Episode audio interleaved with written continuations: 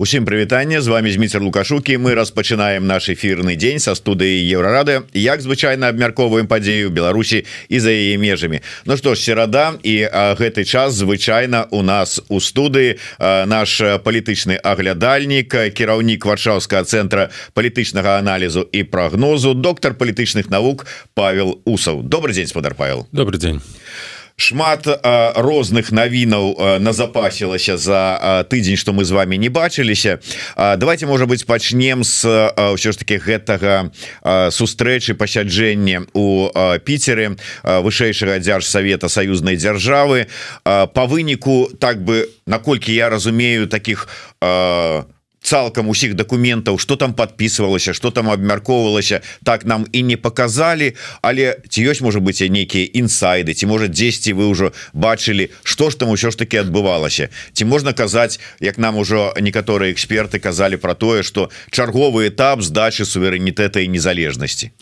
Э, мы знаходзімся у э, сталым працэсе здачы суверэнітэту і незалежнасці. Нам засталося толькі пабачыць расійскі імперскі сцяг на доме ўраду у менску калі ўжо стане відавочна што ўсё аншлюз у такой такой інтэграцыйнай форме быў здзейснены. А калі мы кажам пра такі рытуальны працэс такую штодзённую штодзённое разлаштоўванне разбурэнне суверэнітэту беларусі ну гэта адно з тых сведчанняў. То бок канешне нічога над звычайнага такога што сталася б вось такой кропкай адліку таго што Беларусь ужо ў палітычным сэнсе з'яўляецца часткай рассіі на сустрэчы паміж пуцінамі лукашенко прынамсі ў публічнай прасторы не сталася. Ну але сам працэс і тая сітуацыя у якой знаходзіцца Беларусь яны абсалютна сведчаць пра тое што як суб'екту геапалітычнага незалежнага беларусі няма як суб'екту міжнародных адносінаў які б выражаў свае ці прадстаўляў свае нацыянальныя інтарэсы няма уласных нацыянальных інтарэсаў. Няма. То бок кожная краіна у міжнародных адносінаў адносінах мае уласны нацыянальны інтарэс гэта ўмацаванне дзяржаўнасці умацаванне ўласных узброеных сілаў умацаванне палітычных інстытутаў это ўжо ўсё разбурана то бок Беларусь з'яўляецца часткай і прадстаўляе расійскія нацыянальныя дзяржаўныя інтарэсы. Існаванне Беларусі у тым фармаце у якім яна сёння існуе з рэжымам лукашенко з'яўляецца нічым іншым як абслугоўванне ці прасоўванне ці рэалізацыя расійскіх нацыянальных імперскіх інтарэсаў. Гэта і выкарыстанне тэрыторыі беларусі ў якасці трампліна і геапалітычнага ресурса для стварэння напружання гэтай размяшчэння колькасную колькаснай групы расійскіх вайскоўцаў гэта вагнеры там сталыя сталыя групы узброеных сілаў на рассія ну і гэта канешне на факт размяшчэння ядзернай тактычнай зброі на тэрыторыі беларусі з прыцэлам на тое што ў беларусі з'явіцца і стратэгічная ядравая зброя. Ну і канешне калі мы паглядзім на мапы стратэгічных гуль гульняў якія друкуюцца публікуюцца у святовых медыях то там Беларусь ужо намалявана прадстаўлена ніяк нейкая аўтаномная асобная прастора якую неабходна там захапіць ці кантраляваць а ўжо непасрэдна як тэрыторыя з якой здзяйсняецца далейшая агрэсія рассеі ў дачыненні да суседзяў. Гэта літва польшча сувалкскі карыдор магчымыя дадатковыя удары по ўкраіне.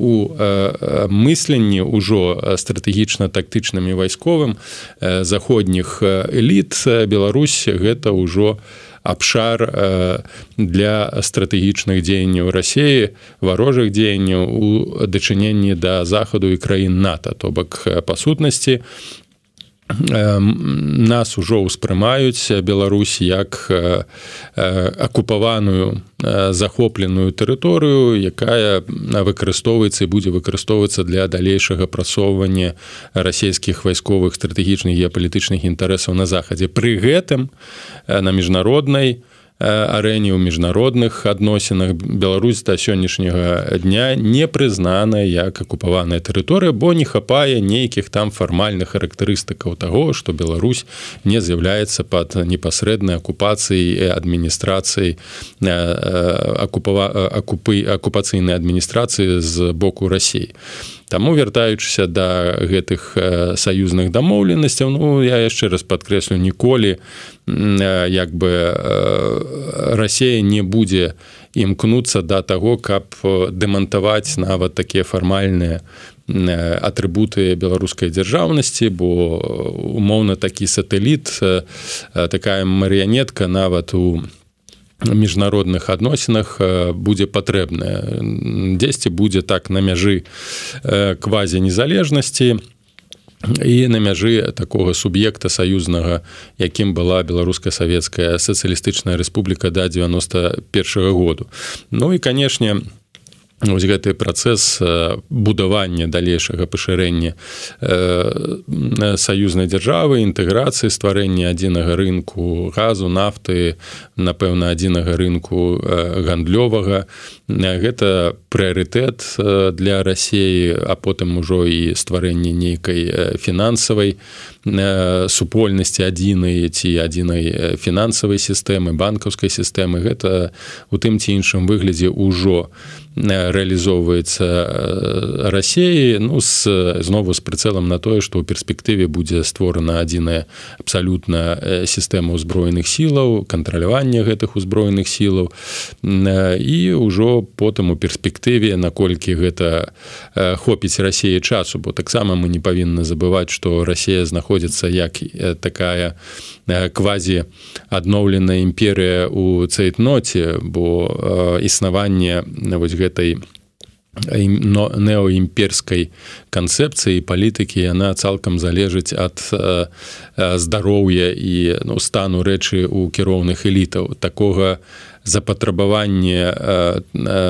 сярод шырокага пласту нават тых сённяшніх элітаў на адбудаванне імперыі відавочна няма бо напрыклад одна справа калі гэта была патрэба таго ж маскоўскага царства потым расійскай імперыі да рэвалюцыі 17 -го году а пасля ўжо бальшавіцкая гэта ідэя імперыі будавалася на нейкай універсальнай ідэалогіі так ідэалогіі камунізма ідэалогіі пабудавання адзінай сусветнай савецкай пралетарскай рэспублікі рэспублікі і вось з гэтым прыцэлам фактычна функцыянавала і існавала ўся сістэма. І на пачатку рэжым бальшавікоў а потым камуністычная сістэма і стварала нейкую супрацьвагу для так званага капіталістычнага свету. У сённяшніх элітах яны абсалютна меркантыльныя яны не маюць яны не ідалі не ідэалігізаваныя у адрозненне ад простага насельніцтва якое там у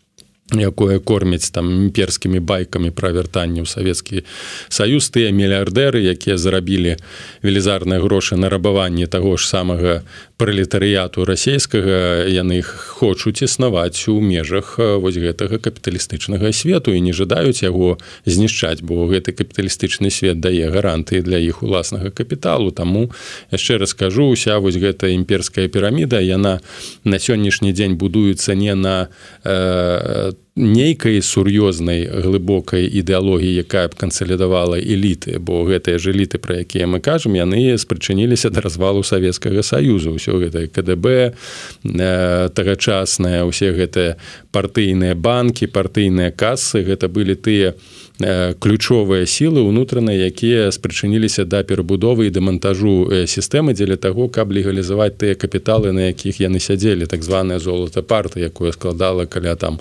некаторых звестках каля двух трыльёнаў даляраў што ішло на падтрымку партыі камуністычных на рэвалюцыі так званы на ўзбраенне Афрыкі лацінскай Амерыкі для барацьбы з капіталізмам усе гэтыя ад Пуціна да, да, да грэфа і, і, і іншых гэта якраз такі тыя хто намагаўся лібералізаваць фінансавыя эканамічныя адносіны дзеля таго каб атрымаць абсалютна неабмежаваны доступ да фінансу так вось сярод гэтых так званых эліт там няма і ідэалагічнага абсалютнага ірацыянальнага стаўленне да таго што робіць Расія. Як толькі не будзе Пуціна вось гэтых так званых арлоў ці ці ястрыбаў там шойгу герасімова гэтая піраміда разваліцца. Таму ім неабходная кажу вось наколькі хопіць унутранай энергіі гэтых ўжо можна сказаць геронтаў так так званая герантакратыя бо Росія фарміруецца менавіта такая такой зараз спосаб кіравання і фармат кіравання як позна позняга савецкага саюзу. Ці хопіць ім часу і энергіі якраз такі у межах рассеі беларусі вось адбудаваць яшчэ новы этап новую новы ўзровень такой імперыі. Канешне да гэтага яны будуць імкнуцца а пасля ўжо афармленне калі дазволіць захад таксама калі захад спыніць інтэнсіўнае інтэнсіўнае стрыманне расійскіх уплываў на постсавецкай прасторы і ў Еўропе то канешне Росія потым по прыступіць да дэмантажу дзяржаўных асноваў іншых краін. У тым ліку Грузія Арменія немагчыма нават краіны Азіі. Спадар Павел я трошку так вот вярнуся ў гісторыю. Глядзіце ну калі палічыць ну напэўна з моманту сярэдзі сярэдзіны 90-х гадоў мінулага стагоддзя ось той першы імпічмент спроба імпічмента лукашэнку і маскоўскі дэсант на чале з чарнамырдзінам які прыехаў ратаваць лукашэнку ад гэтага імпічмента можна сказаць что ўжо з таго часу з таго імгнення лукашенко здае суверэнітэт і незалежнасць Росіі но ну, 30 гадоў амаль што прайшло. Здае і здае скажуць апалагеты думкі того что э, лукашенко ратуе э, Беларусь от э, не, страты незалежнасці так і не здаў так так яшчэ і 30 гадоў ці 50 будзе ну, здаваць і не здаць ведаеце трэба ж адрозніваць умоўна там тую сітуацыю якой знаходзілася Росія ў 90-е гады. Росія знаходзілася ў працэсе унутранага распада і канфронтацыі першая чачэнская вайна ў гэты час трывала так. Алігархізацыя фактычна крыміналізацыя Росіі 90 так званыя крывавыя так крымінальныя новыя рускія. Ельцын разгон вярхоўнай рады і парламенту так званага расійскага ў 93 годзе. Дарэчы дарэчы ўсё роўна захад успрымаў пасля гэтых акцый антыканстытуцыйных ельцына рассею як дэмакратызатара беларусі. І Таму таму і чарнамырдзіны строю ездзілі ў Менск падтрымаць Лукашенко, таму што Лукашенко был быў іх актывам. Яны вельмі добра разумелі, што пакуль Лукашенко пры ўладзе Беларусь нікуды не сунецца. Лукашенко абмяжоўваў фактычна да пачатку і пазней 2000х гадоў абмяжоўваў геапалітычны манёвр для беларусі лукашенко кармілі ты той же беразоўскі ідэямі таго што ён там можа праз працэс інтэграцыі стаць прэзідэнтам саюзнай дзяржавы а быць можа нават і і і, і, і прэзідэнтам рассіі для яго была гэта ідэя фіксы памятаеце ездзіў там з ельцыным гуляў ездзіў па рэгіёнах он жа актыўна тады ездзіў па рэгіёнаў паказваючы што ён вось такі э, ахоўнік э, вялікай ідэі вяртання да савецкага саюзу і Беларусь для яго было была менавіта вось гэтай э, картай торгу. Ён гандляваўся э, беларусю. Ён не даваў разбудавацца дэмакратычным інстытутам.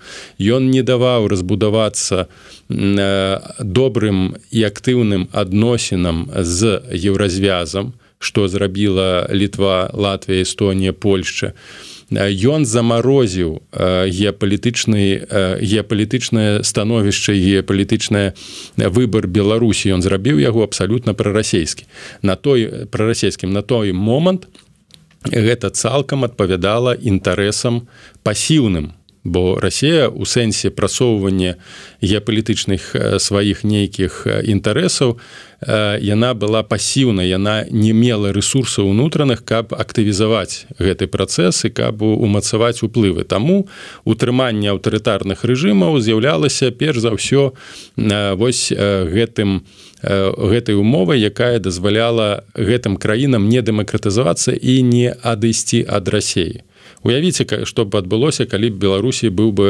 дэмакратычны рэжым калі б да ўлады не прыйшоў ні кебіч не лукашенко прыйшоў бы нават скажем там зенон станіславович пазняк ці станіслав станіславович шушкевич ці ну іншых на той момант прадстаўнікоў так званай дэмакратычнай супольнасці не было хаця часам дачынень да шушкевича кажуць што ён баяўся прыймаць нейкія радыкальныя рашэнні. Але прынамсі гэта быў былі б дэмакратычныя лідары дэмакратычныя кіраўнікі краіны якія б інтэнсіўна разбудоўвалі разбудоўвалі б адносіны з захадам і прынамсі грамадства ў гэтых умовах было б настолькі моцным што штурхала б і шушкевіча і нацыянальныя сілы да таго каб ўсё ж таки умацоўваць адносіны з захадам ці будаваць гэты чарнаморск балцка-чарнаморскі саюз мы б маглі я думаю.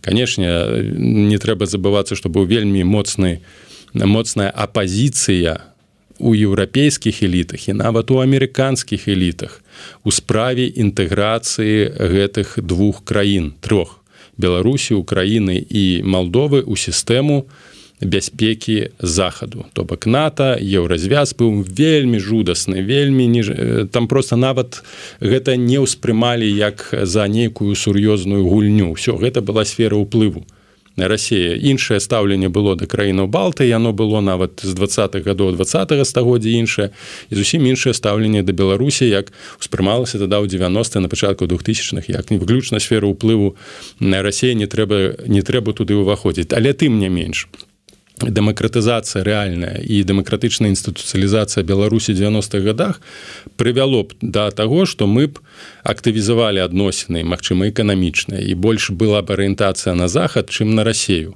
гэтага пры лукашенко не адбылося адбылося то што Беларусь выкінулі з рады Еўропы за тое што вярнулася вярнулася праз рэферэндум смяротнае пакаранне усе сувязі з захадам лукашенко не э, мэта накіравана знішчыў нават сімвалічная э, не было ніякай палітыкі добрасуседства з еўразвязам ніякай палітыкі паглыблення адносін з нато ці атанам так этой палітычнай надстройкай нато.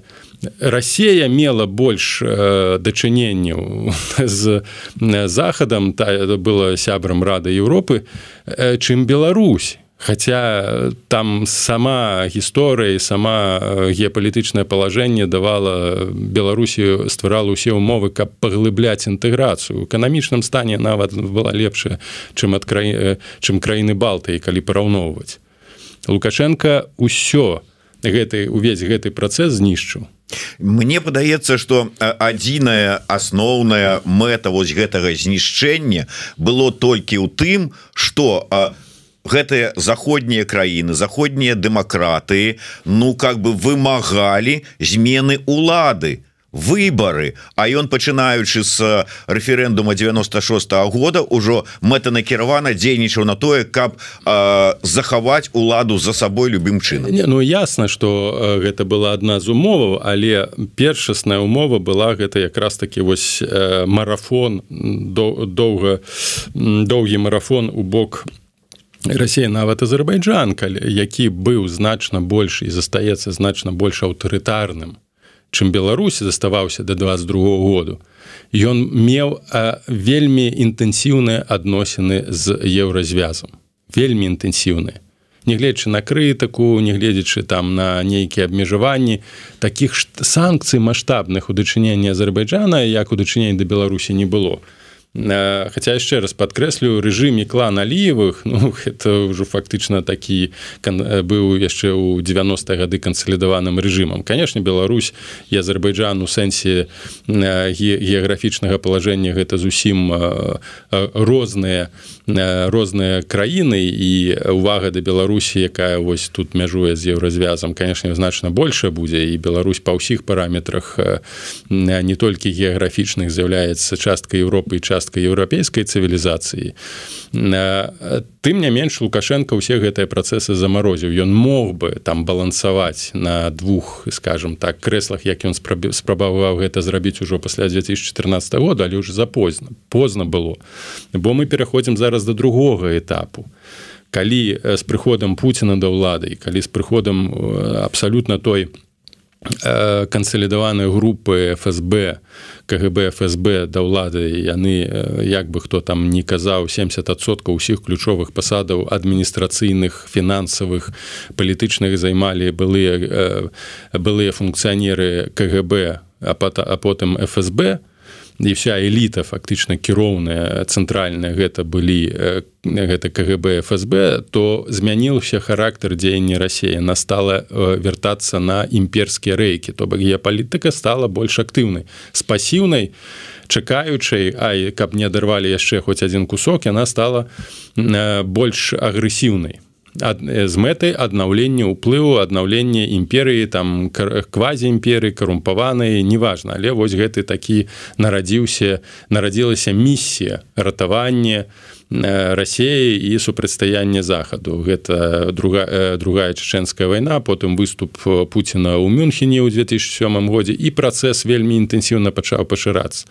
і лукашенко на пачатку зразумеў што ніхто яго ў рассіі не чакае ён ніколі не стане там нават другім у крамлі а будзе просто вось нейкім там губернатарам тады ён пачаў выпрацоўваць новую новую е палітыку палітычную лінію. Мы мост паміж захадам і ўсходам Беларусь павінна э, добра добра будаваць адносіны як з захадам так і ўсходам мы не дазволім рассеі знішчыць там беларускі суверэнітэт калі Путін сказаў што вы можете увайсці ў рассію ў складзе шасці губерняў сказал ну адказ Пуціну што нават Сталін такога не зрабіў і варта прыгадаць што з 2001 другого году пачынаецца сур'ёзны межасабовы канфлікт паміж крамлёўскай клікай Путін медведзеў і паміж лукашенко. Ўжо персанальны канфлікт і рускія ўжо пачалі разглядаць Беларусь як уласны імперскі актыў яны пачалі ўзмацняць ціск яны пачалі прасоўваць свае інстытуты яны пачалі троліць лукашенко. Это десятый год крывавы там бацька один бацька два гэта ўсе десанты нтвшныя ртэшныя яны ўспрымаліся ў той час як нейкая там уплывы лібералізму і дэмакратыі што Росія хоча там знесці лукашенко і дэмакратызаваць беларусі потым дачакаліся 2020 году. то бок змянілася не тое что там лукашенко здаваў не здаваў змянілася змяніліся падыходы інструменты механізмы ўздзеяння рассеі на Беларусь. І зараз яны цалкам гэты працэс реалізавалі прыгадайце дзе знаходзілася Беларусь до два -го году фактычна калі прыязджалі пампео болтон то Э, курц э, э, прыязджала меркель алан прыязджаў Беларусь сталася мекай праводзілася парламенцкае паседжанне парламенцкай асамблеі абсе ў семнатым годзе ідзе Беларусь апынулася зараз? Узровень узровень фактычнага суверэнітэту дзе ён нават калі лукашенко б захацеў бы зараз сказаць сказаць вось ну давайте мы уже там выпушчу выпушчу палітычных зняволеных прыпыню рэпрэсіі давайте адновім адносіны з захадам.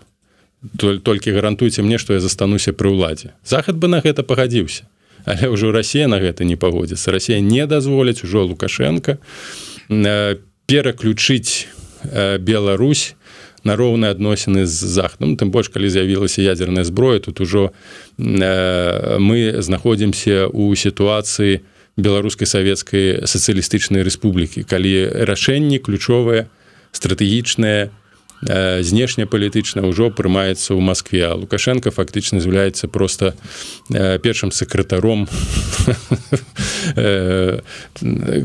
камуністычнай партыі Беларусі. Філіала единой России у Беларусі. І так сказать пытанне ад наших гледачоў. Бэтгерл пытается Павел ці думаете вы что Беларусь як незалежная дзяржава будзе існаваць праз 20 гадоў ці можна штосьці зараз змяніць беларусам на зямлі? Ці просто з'язджаць? І надзеі на змены у бліжэйшы час няма.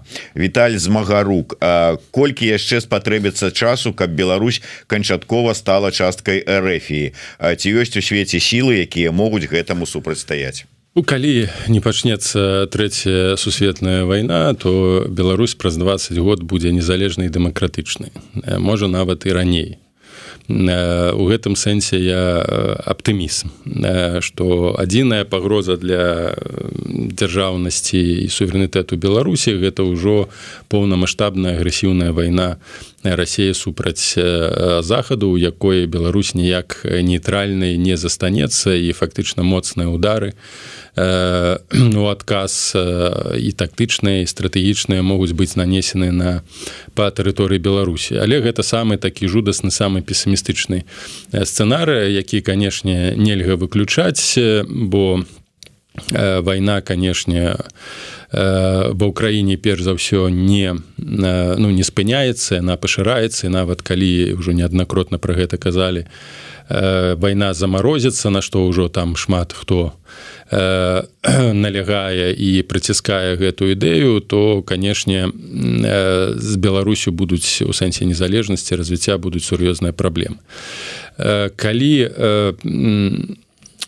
калі нават адбудзецца абсалютна поўнае афармленне беларусі у межах саюзнай дзяржавы будзе вернутая валюта адзіная уведзена ў якасці рубля. Калі будуць створаны адзіныя палітычныя структуры і Беларусь будзе прыгадваць хутчэй суб'ект расійскай федэрацыі чым дзяржаву тым не менш э, такога э, сімвалічнага э, дэмантажу суверэнітэту беларусі у светапоглядзе у ментальнасці людзей не адбудзецца. Бо тое што хацелі зрабіць бальшавікі у расійскай імперыі яны змаглі часткова зрабіць. Адзіны тры адзіны народ што мы частка рассеі мы рускія потым савецкія людзі.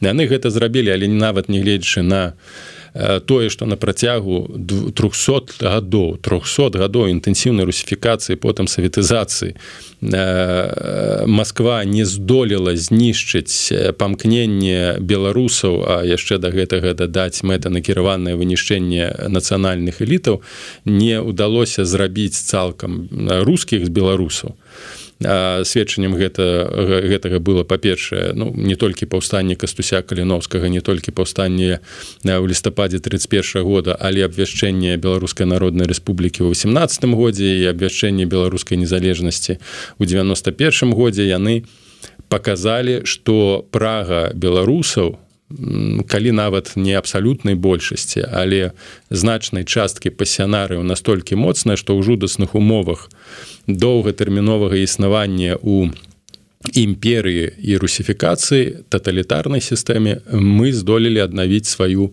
дзяржаўнасць. Гэта велізарны я лічу крок. І тым хто гэта зрабіў 91 годзе у 18 гэта вялікая пашана. І што павінны рабіць зараз беларусы гэта не забываць гэтай гісторыі. Гэта ўвесь час вяртацца да гэтай гісторыі. 18 года і конца два году памятаць гэтую гісторыю адбудоўваць дзяржаўнасць незалежнасць у сваіх галавах бо перш за ўсё дзяржаўнасцю суверэнітэт знаходзіцца у свядомасці ў душы. Чаму мы пачалі яго траціць у 90 сярэдзіне 90-х асабліва зараз наш суверэнітэт і нашу дзяржаўнасць? Бо участкі Мачыма нават большай часткі беларусаў усё ж таки не адбудавалася дзяржаўнага мыслення і свядомасці. Калі у на пытанне ну а калі мы інтэгруемся з расія нічога страшнага можа нават і лепей будзе то бок вось праблема асноўная з'яўленне лукашенко з'яўленне саюза ў 99 годзе. Гэта прычына была у тым гэта рэха гэтай русіфікацыі саветызацыі але таксама прычына ў тым што дзяржаўнай свядомасці і, і э, разуменне суверэнітэту незалежнасці як ключовай каштоўнасці як базавай каштоўнасці для існавання грамадзянскага не сфарміравалася. І тое што могуць рабіць зараз людзі гэта не дазволіць цалкам быць знішчанаму вось гэтай дзяржаўнай свядомасці. І калі вось гэтая свядомасць застанецца калі она будзе развівацца разам з мовай разам з веданнем гісторыі разам з працэсам супрацьстаяння гэтай гвалтоўнай прапагандзе расійскага свету суверэнітэт будзе адбудаваны вельмі хутка. Вельмі хутка я маю навазе суверэнітэт не тэарэтычны а суверэнітэт рэальны дзяржаўны з межамі з нацыянальнымі сімбалямі з арыентацыяй на захад і з дыстанцаваннем ад рассея толькі гэта на для гэтага патрабуецца сёння і зараз вось гэта ўнутраная воля ведаць разумець і рыхтавацца да аднаўлення гэтай дзяржаўнасці суверэнітэту у абсалютнай ну абсалютнай рэчаіснасці. Вот гэта вот воля у каго яна павінна быць найперш? Тому что вот каментар Михайла Шевченко. Ну відаць каментатор таксама таксама с новоабуджаных Ну як большасць беларусаў якія вот раптам абудзіліся ў двадцатым годзе і перакананыя что вот до два -го года ніякай актыўнасці дзейнасці жыцця ввогуле не было. Піша когда пройдет інтеграция и Беларусь станет губернией что будете народу отвечать? То что ничего не сделали за 4 года? Но пытались вылезать тазик на кого вы работаете? Вы против народа Беларуси вот народ сядзіць чакае А вы тут чаму для яго шчасця не здабылі? Шчыра кажучы трошки не зразумеў пытанне пытанне вельмі простае. калі Беларусь стане губерніяй А вот мы чаму вот гэтага не зрабілі? Беларусы там сядзяць і чакаюць калі мы что мы тут абаронім іх ад таго каб яны станавіліся губерніяй что будете гаварыць у сваё апраўданне что не зда не зрабілі гэтага павінен падумаць перш за ўсё тыя людзі якія унутры беларусі дазволілі сфарміравацца гэтай сістэме і функцыянавалі ў межах гэтай сістэмы на працягу 20 з нечым гадоў. Яна ж функцыянавала таксама на негалоснай падтрымцы і камфорце ўнутраным. І тое што адбывало адбылося ў двадцатым годзе ў 22 і зараз адбываецца. Ну гэта вынік вось такога меркантыльнага утылітарнага падыходу году что галоўнае каб халад... халадзільнік быў поўны а неважно что там будзе з суверэнітэтам. Можна і прадаць незалежнасць і суверэнітэт за кавалак скажем калбасы ці ці масла. Таму я думаю что гэтыя прэтэнзіі да цівогуле нават пытанне такога кшталту что вы зрабілі что мы зрабілі перш за ўсё за гэтае 20 амаль 30 год а нават і больш калі мы лічым пачатак незалежнасці з 91 -го году. Шмат было зроблена. Той факт что Беларусь існавала і існуе як дзяржава гэта вынік той працы які быў зроблены ў 91 годзе на працягу некалькіх наступных гадоў. І той факт что Росія намагаецца збурыць гэты суверэнітэт выкарыстоўваючы лукашенко і рэжым які абіралі ў 96 годзе таксама сведчанне того что э, гэтая дзяржава ёсць что Росія неабходна выкарыстоўваць розныя метады у тым ліку і гібриднай войны супраць беларусі дзеля того каб знішчыць суверэнітэт. Канешне казаць про тое что зараз ёсць нейкія інструменты ресурсы каб абараніць суверэнітэт акрамя фарміравання адказнасці свядомасці і каштоўнасцяў і разумення гэтых каштоўнасцяў сярод беларусаў якія знаходзяцца зараз под акупацыяй. Іншых на жаль магчымасцяў няма практычнай магчымасцю практычнай магчымасцю як якая адновіць якая у пэўным сэнсе абароніць суверэнітэт з'яўляецца падтрымка для ўкраіны і праца на перамогу Украіны у гэтай вайне супраць супраць рассеі калі Украіна прайграе ці гэты канфлікт гэтая вайна замарозіцца гэта будзе азначаць што у рассіі будуць цалкам развязаныя руки каб дэмантаваць працягваць дэмантаваць суверэнітэт незалежнасць беларусі у культурным у культурным сэнсе у палітычным сэнсе у ідэалагічным сэнсе бо зараз мы маем дачыненне з абсалютнай дамінацыяй расійскага свету у у беларусі. І дарэчы вось што яшчэ можна рабіць гэта ствараць моцныя контрпрапагандысцкія інстытуты механізмы тым ліку адукацыйныя механізмы змагацца на інфармацыйнай у інфармацыйнай прасторы у прасторы ідэі тое што мы зараз з вами робім і дыскутуем тое што задаюцца гэтае пытанне гэта ёсць сведчанне і прыклад такога змагання такой барацьбы за розумы людзей і потым прыйдзе час на аднаўленне інстытутаў незалежнасці. Але на сённяшнім этапе вось узброенага уварвання ў Беларусь ну мусім прызнацца не будзе ніхто гэтага рабіць не будзе нават няма такой абсалютнай э, такога кансалідаванага падыходу і кансалідаванага дапамогі ў краіне якая вядзе ўжо два гады вайну просто крывавую вайну нават зброй пытанні не могуць вырашыць. Таму гэтыя просто запады запад запаты і бурэнне у паветра но ну, яны ні на што не ўплываюць ну ні на што на, на рэчаіснасць не ўплываюць калі мы бачым што недастатковай дапамогі цэнтралізаваны кансалідаваны для ўкраіны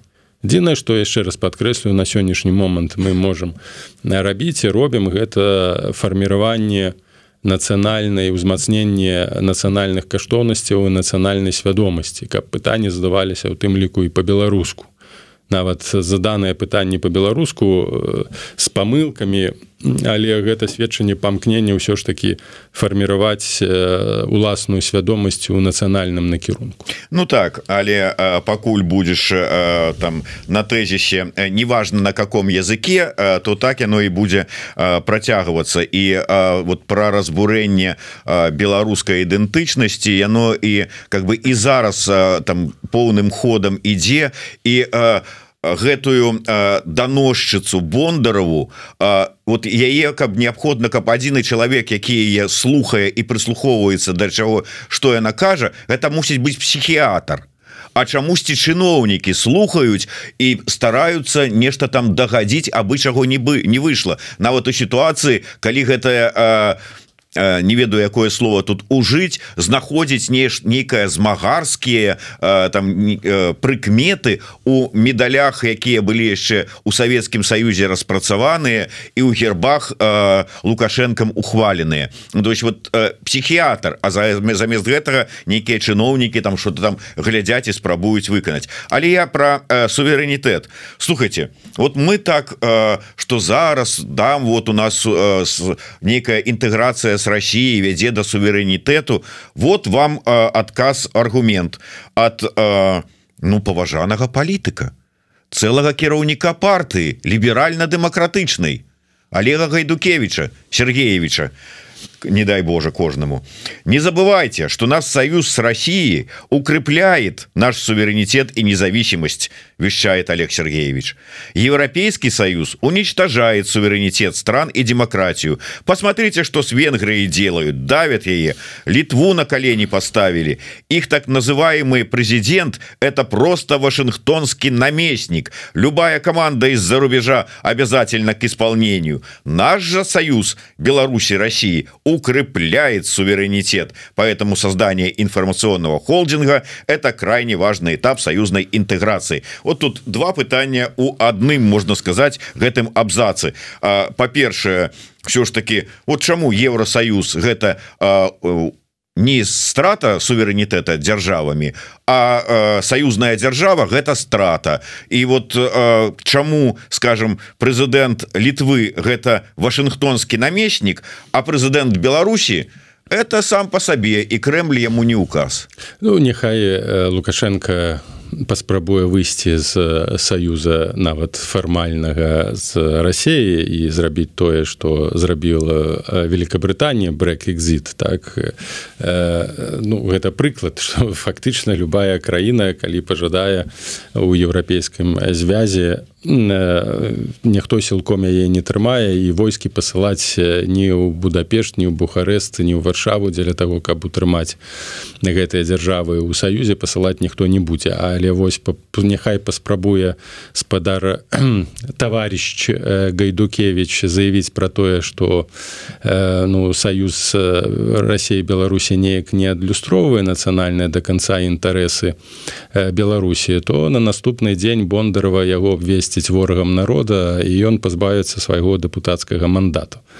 Так что э, гэтыя ну заявы тут не мае сэнсу адказваць на абсалютна прапагандысцкія кліше канешне тут гаворка вядзецца перш за ўсё на захаванне іх суверэнітэта палітычнага бо без рассеі гэта і суверэнітэта рэжыму. У межах вось гэтай сістэмы глобальнай таталітарнай якую сфарміраваў Путін як толькі у гэтая сістэма будзе абвальвацца то безумоўна і рэжым пацерпіць паразу і гэта і гайдукевічы і карпенковы і гігены у лепшым выпадку знойдуцца недзе там у Маскве ці пабягуць аж далёка да далёкага ўсходу альбо ў Кітай.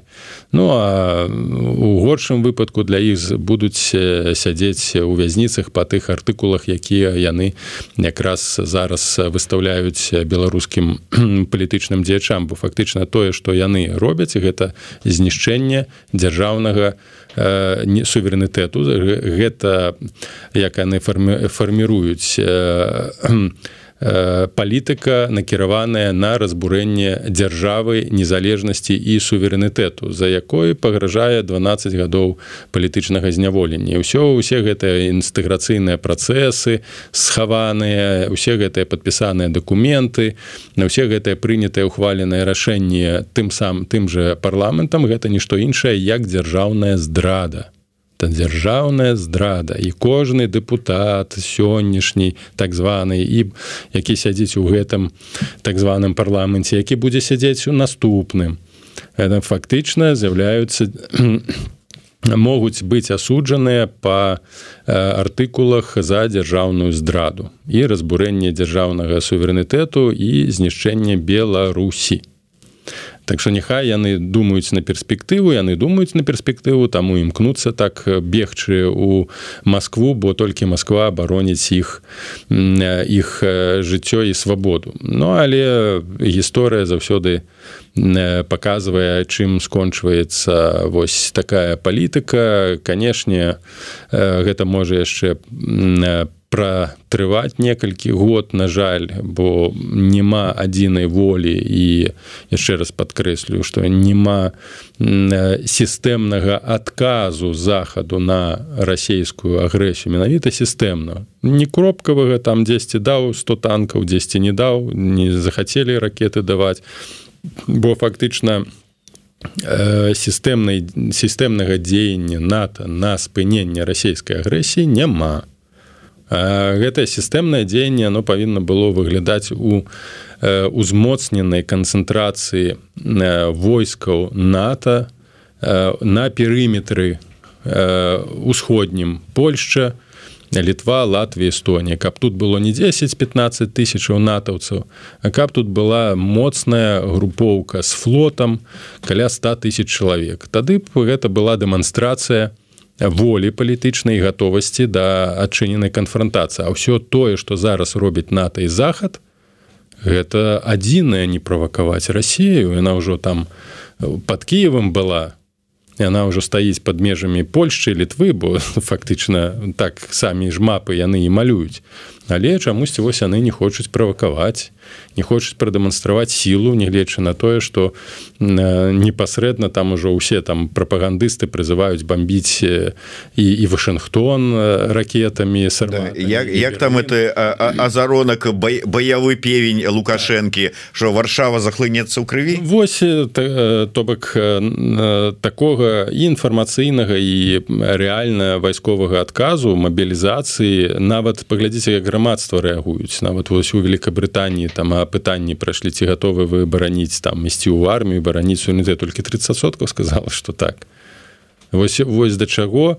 Э, ну по зразумела что ніхто не асабліва просто людзі не думаюць у катэгорыях геапалітыкі і нават не цікавіліся тым дзе там які Путін сядзіць ці лукашенко. Ім для гэтага цікава не было як нам збольшага сярэднестатыстычнаму беларусу не цікава хто там прэзідэнт ці прэм'ер-міністр у гішпаніі і хто там кіруе у Великабрытаніі торы ці вігі там кансерватары ці лібералы у злучаных штатах Америки Амерыкі толькі вось калі ўжо адбываецца рэальная канфронтацыя тады зацікаўленасць узрастае але ўжо нават і зараз хутчэй усе глядзяць што там фермеры робяць з парыжам чым тое што там і як Путін бомбіць украіну. Гэтым праблема і безумоўна людзі не гатовы не хочуць ваяваць асабліва на захадзе вось такая мілітарызацыя грамадства якая адбылася у і адбываецца ў беларусі адбылася у рассіі яна адпаведна не можа адбыцца ў дэмакратычных краінах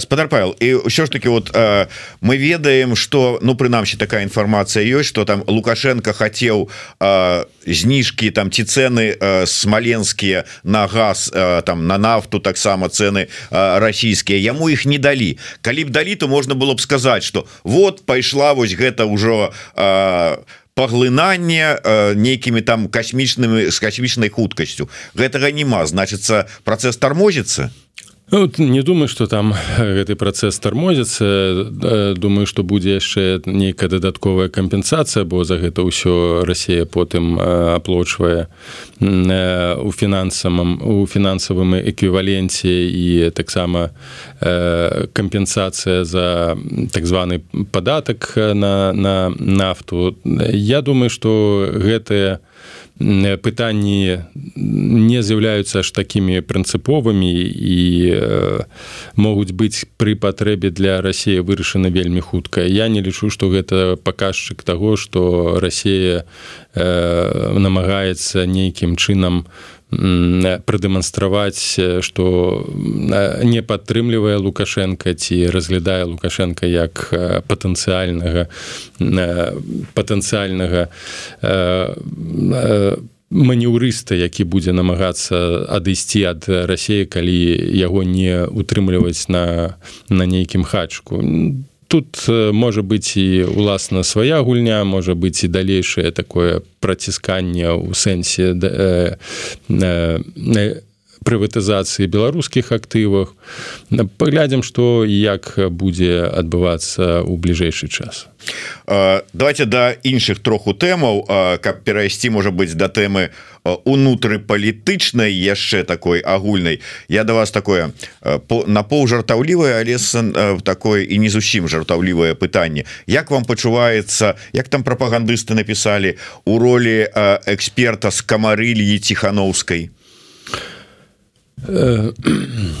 Ну это іх права называць экспертаў як ім заводна что тычыцца той апублікаваны лісты спісу так званых 20 аналітыкаў скажу наступнае что ў двадцатым годзе фактычна кожны беларус кожны інтэлектуал беларускі намагаўся як мага больш укласці у той рэвалюцыйны працэс у працэс чаканых пераменаў у беларусі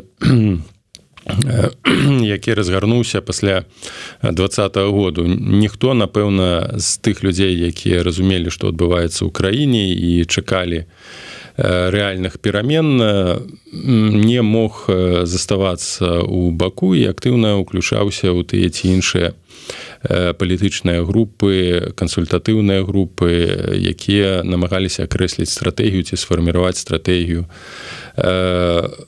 тагачаснага штабу ці скажем так погляды самой ціхановскай і канешне я лічыў што неабходна сфарміраваць для ціхановскай перш за ўсё яна павінна была б сфарміраваць ясную нацыянальную пазіцыю ясную нацыянальную стратэгію. У двадцатым менавіта годзе не хістацца там паміж Масквой і, і не неакрэсленым геапалітычным выбарам а канкрэтна а канкрэтна сфарміраваць нацыянальную пазіцыю як нацыянальнага лідара ну і палітычную пазіцыю якая палягала на, на неабходнасці. І гэтыя тэзісы э, абгрунтаваныя я даносіў да так званых дарацаў ціхановскай неабходна было прыняць у бліжэйшы час пасля выбараў інагурацыю. Э, сфарміраваць урад і стварыць моцны палітычны цэнтр які б мог бы дэстабілізаваць далей працягваць дэстабілізаваць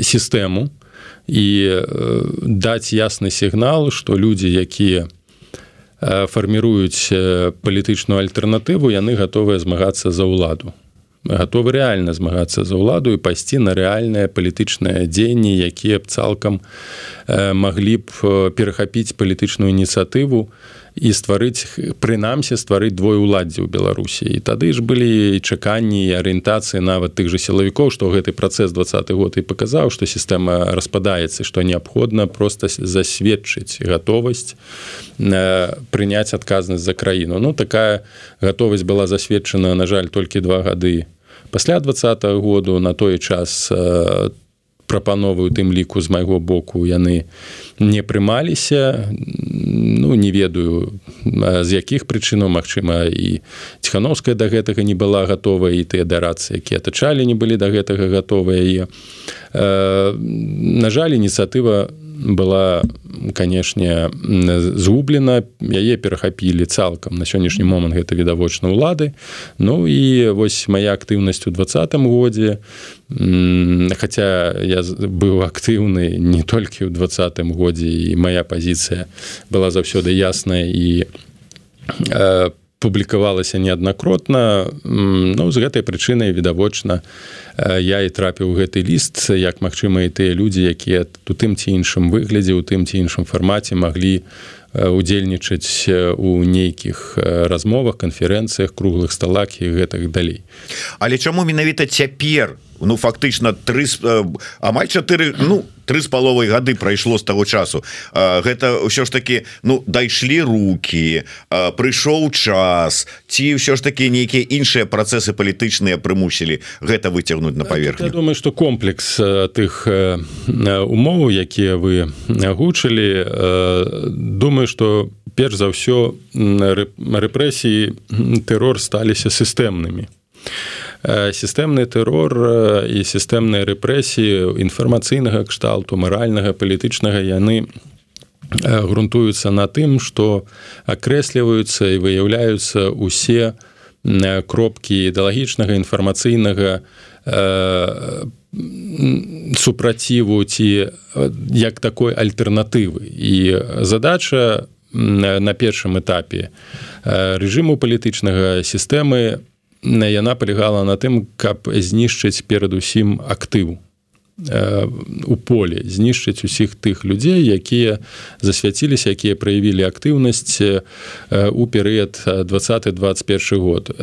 Потым працэс пайшоў на знішчэ працэс закрануў інстытуцыянальнае разбурэнне дэмакратычнай супольнасці. Гэта сМ гэта нейкія арганізацыі. Трэцім этапам было знішчэнне у беларусі. Перш за ўсё інтэлектуальных асяродкаў ці індывідаў якія фарміравалі ці уплывалі на меркаванні на свядомасць напрыклад ну справа аналітыкаў гэта ж не другая гэта не не першая гэта другая это ўжо другі этап калі мы кажам пра 20 мацкевич і касцюгова і кузіна і лебядок егор. Вось гэта і і ўжо і паротнікаў так? Вось 5 ключовых ну на май, на маю думку на тых людзей асобу постацяў якія ўплывалі фарміравалі аналітычную думку беларусі яны затрыманы. У дачыненні некаторых ужо вынесены даволі жорсткія прысуды. Лёс лебядка лёс паротнікава невядома вядомы там рабілі прапагандысцкія фільмы. Пра журналіста я ўжо не кажу. Зараз ўжо працэс перакінуўся на ўжо такі хутчэй стварэнне інфармацыйнай хвалі падтрымка хвалі тэрору. Э, то бок вось гэтыя масавыя прысуды групы масавыя следства яны павінны умацаваць вось гэтую атмасферу страха умацаваць атмасферу тэрору конечно ж панізіць у тым ліку інфармацыйны ўплыў некаторых асобаў і журналістаў прызнавання як іх каналаў ці іх саміх як экстрэмісты зараз персанальныя справы каб просто нават людзі баяліся слухаць просто баяліся слухаць баяліся каментаваць і падтрыманне насычэння гэтай атмасферы страха і гэта ўсё ўпісваецца у той этап электаральных кампаній да якога мы прыйшлі. Гэта перш за ўсё парламенцкая так так званая парламенцкая кампанія і наступная прэзідэнцкая кампанія. Канешне ж сістэма рыхтуецца да вось гэтых двух вельмі важных падзеяў Ну вот да гэтага адзінага так званага так. дня галасавання 25 дзён вот як вы подлічылі засталося так. то есть вот чаго чакаць э, э, Я э, полагаю, што там асабліва ніякіх нечаканасцяў ці неспрагназаваных нейкіх зрухаў беларусі не адбудзецца ну калі канешне там знову не прыляціць нейкі чорны лебедзь і раптоўна нешта не здарыцца з пуцінам ці другі прыгожан не пойдзе на на Москву. Мы бачым нават у рассіі як зачышчаюць прастору таго ж гіркіна такога ура патрыёта аднаго з актыўных дзячоў рускай весны ў 14 годзе да чатырох гадоў прысудзілі. І таго ж удальцова затрымалі то таксама ш'юць як кажуць нейкую там экстрэміскую дзейнасць.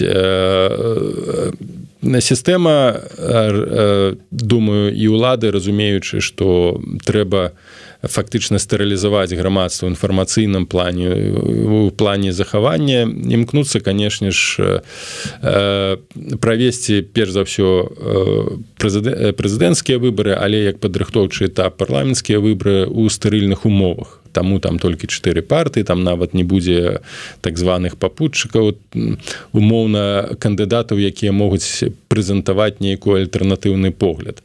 Думаю что яўка будзе там больш за 50-60соткаў за кандыдатаў ад белой Русі прагаласуюць там 80 як і, і за іншых і такім чынам сістэма рэлегітымізуе сябе то то бок пакажа што она кантралюе працэс што інстытуцыянальна на ўсё стабільна і будзе рэлегітымізава рэлегітымізацыя не праз волю народа выражэнне волю народа а праз эфектыўную дзейнасць інстытутаў а эфектыўная дзейнасць інстытута у тым ліку і выбарчых выражаецца ў тым што яны насуперак жаданнем чаканнем людзей просто змаглі арганізаваць гэты працэс і утварыць неабходныя інстытуты наступным крокам будзе падрыхтоўка да прэзідэнцкай кампаніі ну перш за ўсё стварэнне так званай так званага усебеларускага сходу супердэмакратычнага цела ў косках ну а потым прэзідэнцкая кампанія. Вось гэта задача. Задача захаваць стабільнасць задача захаваць перавагу ў палітычным сэнсе у ідэалагічным сэнсе. І калі мы кажам пра інфармацыйны ўплыў інфармацыйны кантроль канешне на жаль тут перавага застаецца за уладамі яны ў гэтым кантэксце перахапілі ініцыятыву стварыць нейкую якасную хаця б інфармацыйную напружанне для сістэмы апозіцыйныя структуры на сённяшні дзень не ў стане. І пытанне там нават на сённяшні дзень байкоту не ўдзелу яна ніяк на сітуацыю не паўплывае ніякая стратэгія на сітуацыю на сённяшні дзень не паўплывае она могла б паўплываць калі б сістэма была бы разбалансаваная у умовах такого унутранай кансалідацыі контроля не думаю что нейкая такая стратегія супрацьстаяння для сістэмы яна будзе ўнутры беларусі эфектыўная тут галоўнае прапанаваць нейкую якасную стратэгію дзеяння для самой апозіцыі ў замежжы то бок паказаць унутраную кансалідацыю паказаць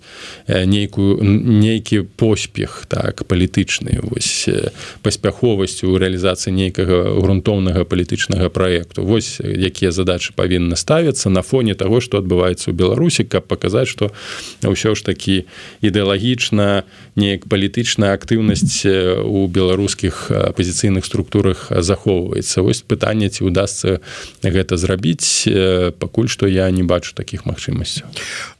На заканчэнне два две тэмы якую можа быть так коротко абмеркаваць. Першае ці не падаецца вам что ўсё ж таки ну не пачатак адлігі а прыкмета пачатку адлігі у Беларусі можа быть у тым что вось былы сябра адзін з кіраўнікоў за ўжо цяпер знішчанай левой партыі справядлівы свет Сергей возняк заявіў про тое что марксістская партыя будзе у Беларусі аднаўляцца ужо там яны будуць праводзіць нібыта нейкі там з'езд не з'езд і ўжо марксістскія ячэйкі по гарадах розных заснов засноўваць ну прыкмета? Не? Ну так я наколькі ведаю нават там чэрачне кіраўніка не зарэгістраваныя сацыял-дэмакратычнай грамады асабліва не не не чапляюць не чапляюць і канапацкую. Канешне такая эфектыўная актыўнасць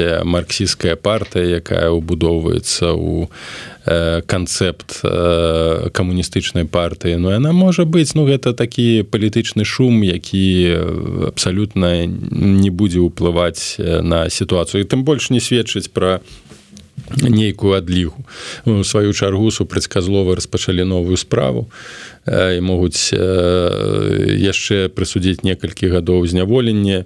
Групавыя масавае затрыманне не будзе ніякае трэба зразумець ніякай адлігі будзе імітацыя нейкай нават не апазіцыйнай дзейнасці просто нейкай ідэалагічнай імітацыя нейкай ідэалагічнай актыўнасці ў межах дамінуючай ідэалогіі. На сённяшні дзень я лічу у нас стварылася з тых чатырох партый розных там групак монапартыя монапартыя бальшыня якая не мае ніякай ідэалагічнай разнастайнасці яны кансалідаваныя вакру вакол лукашенко вакол утрымання гэтага рэжыму з тымі ж самымі моцна скіраванымі прарасійскімі пазіцыямі. Тая ж белая русь актыўна супрацоўнічае з партыі адзіная Расія праводзяць кангрэсы канферэнцыі па ўзмацненню інтэграцыі разбурэнню дзяржаўнага суверэнітэту. Таму ну по про якую мы можемм казаць адлігу надліга наступіць толькі ў тым выпадку калі лукашенко спыніць рэпрэсіі і выпусціць палітычных зняволеных хаця б частку з іх а гэтага не адбудзецца не зараз не ў бліжэйшы час. Ну прынамсі да прэзідэнцкіх выбараў не думаю што будуць нейкія крокі. А дзе будзе Беларусь у 25 годзе з такім інтэнсіўным працэсам э, дэмантажу дзяржаўных незалежных беларускіх інстытутаў ну можам толькі здагадвацца думаю что разбурэнне будзе значна больше шкоды ад працэсу ну, будуць э, жудаснымі я маю навагу вось навазе інстытуцыянальны аспект беларускай дзяржаўнасці незалежнасці Да тут вот дарэчы цікава чаму гэта гэтыя лукашэнкаўскія прапагандысты і там все гэтыя даносчыкі не звярнулі ўвагу на назву гайдукевічскай партыі. Ліберальна-дэмакратычная. Что-то тут не то я вот звярнуў увагу. так у беларускай канстытуцыі написано что Беларусь з'яўляецца дэмакратычнай краінай это ну это, вось так па, па змагарскіх канонах написаная конституцыя трэба донос написать. так, я хацеў хацеў бы подкрэсліць одну рэч что ніводная дыктатура не называе сябе дыктатуры не написано у беларускай конституцыі лукашэнкаўскай что Беларусь з'яўляецца аўтарытарнай дыктатурай Нягледзячы на тое, што і Айсман хацела бренд з беларускай дыктатуры зрабіць і Лукашенко казаў, што ён дыктатар. Ну так прапішы ў канстытуцыі, што ты дыктатар, што ў Беларусі дыктатура. А чаму ты называеш сябе дэмакратай? Вось, а вось что там тая конститу что там тая конституцыя хто там на яе звяртае ну, увагу там ну? кажам про назвы гэтых партыяў про дэфініцыю Ну таму э, тут думаю что такая кожны кожны э, дыктатар хоча казацца дэмакратам менавіта таму што ён э, імкнецца да таго каб прадэманстраваць і ўнутры краіны і за мяжой што яго любіць і падтрымліваюць народ. А як гэта зрабіць не праводзячы выбараў і не называючы сябе дэмакрат Ну да кожны дыктатар хоча э, быць дэмакратам а кожны гайдукевич лібералам. Э, Ну і на э, заканчэнне э, з'явілася інфармацыя про тое что ўсё ж таки Кіев ну нібыта прыняў рашэнне об увядзенні такой пасады ці прызначэнне на пасаду спецпрадстаўніка Украіны по по Беларусі. Ці як мне напісаў Ігор кізім что хутчэй за ўсё гэта будзе посол по асаблівых даручэннях але вот по працы на вот беларускім накірунку. Что гэта? Вот як як вы ацэньваеце гэтую навіну?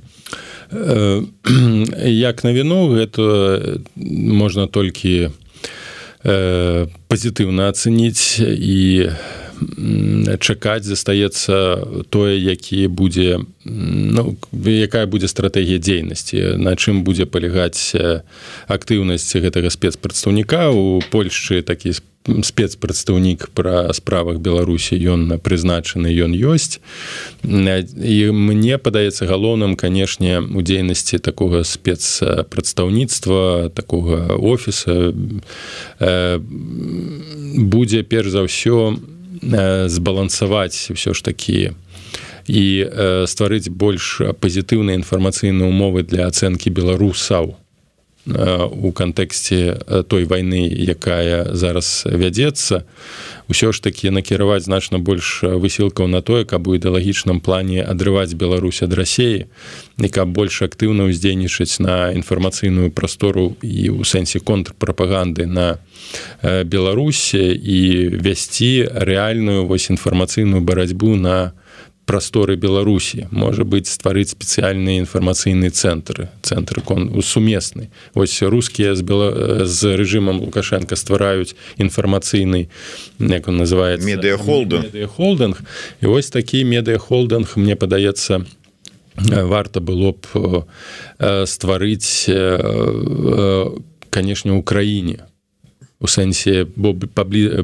блізкасць мовы ўсё ж таки разуменне сітуацыі і разуменне таксама нацыянальных інтарэсаў менавіта нацыянальных інтарэсаў беларусі украіны як адзіных нацыянальных інтарэсаў стварэнне цэнтру ўплыву на думкі на свядомасць перш за ўсё супрадзеянне прапагандзе расійскага свету ў беларусі.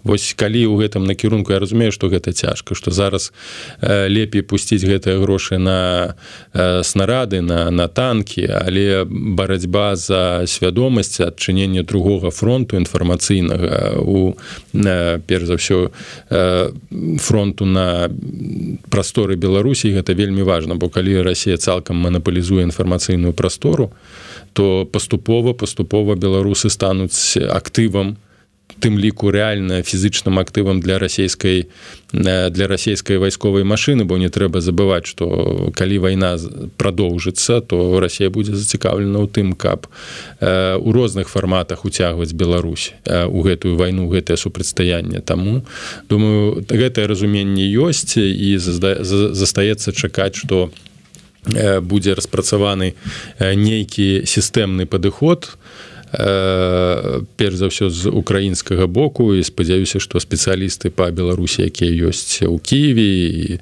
сярод іх Яўген Магда так яны і тышкевич яны дапамогуць ўсё ж таки вось у выпрацоўкі такога сістэмнага падыходу да Беларусі калі яна не будзе выключна разглядацца як вораг так у масавай свядомасці і беларусаў будзе змяняцца варожае стаўленне да беларусаў больш на стаўленне такога пазітыўнага кшталту каб уцягнуць Беларусь у сферу ўплыву Украіны у сферу ўплыву захаду каб стварыць скажем інфармацыйны супраціў унутры Беларусі Дякую вялікі. На заканчэнне хочу яшчэ раз нагадаць усім подписывайтеся на телеграм-канал Павла усова спасылочка у нас у каментарах. Ну і безумоўна ты для кого это бяспечна для того каб найбольш людзей послухали наши размовы подписывайтеся на YouTube канал еврорады расшарвайте ставите свае падабайки націскайте на звоночек каб прыходзілі вам паведамленні про наши наступныя эфиры Ну і пишите свае каментары і задавайте пытанні. Будем рады на іх адказаць. Дякую вялікі Павел Дякую вялікі ўсім вам. Жыве Беларусь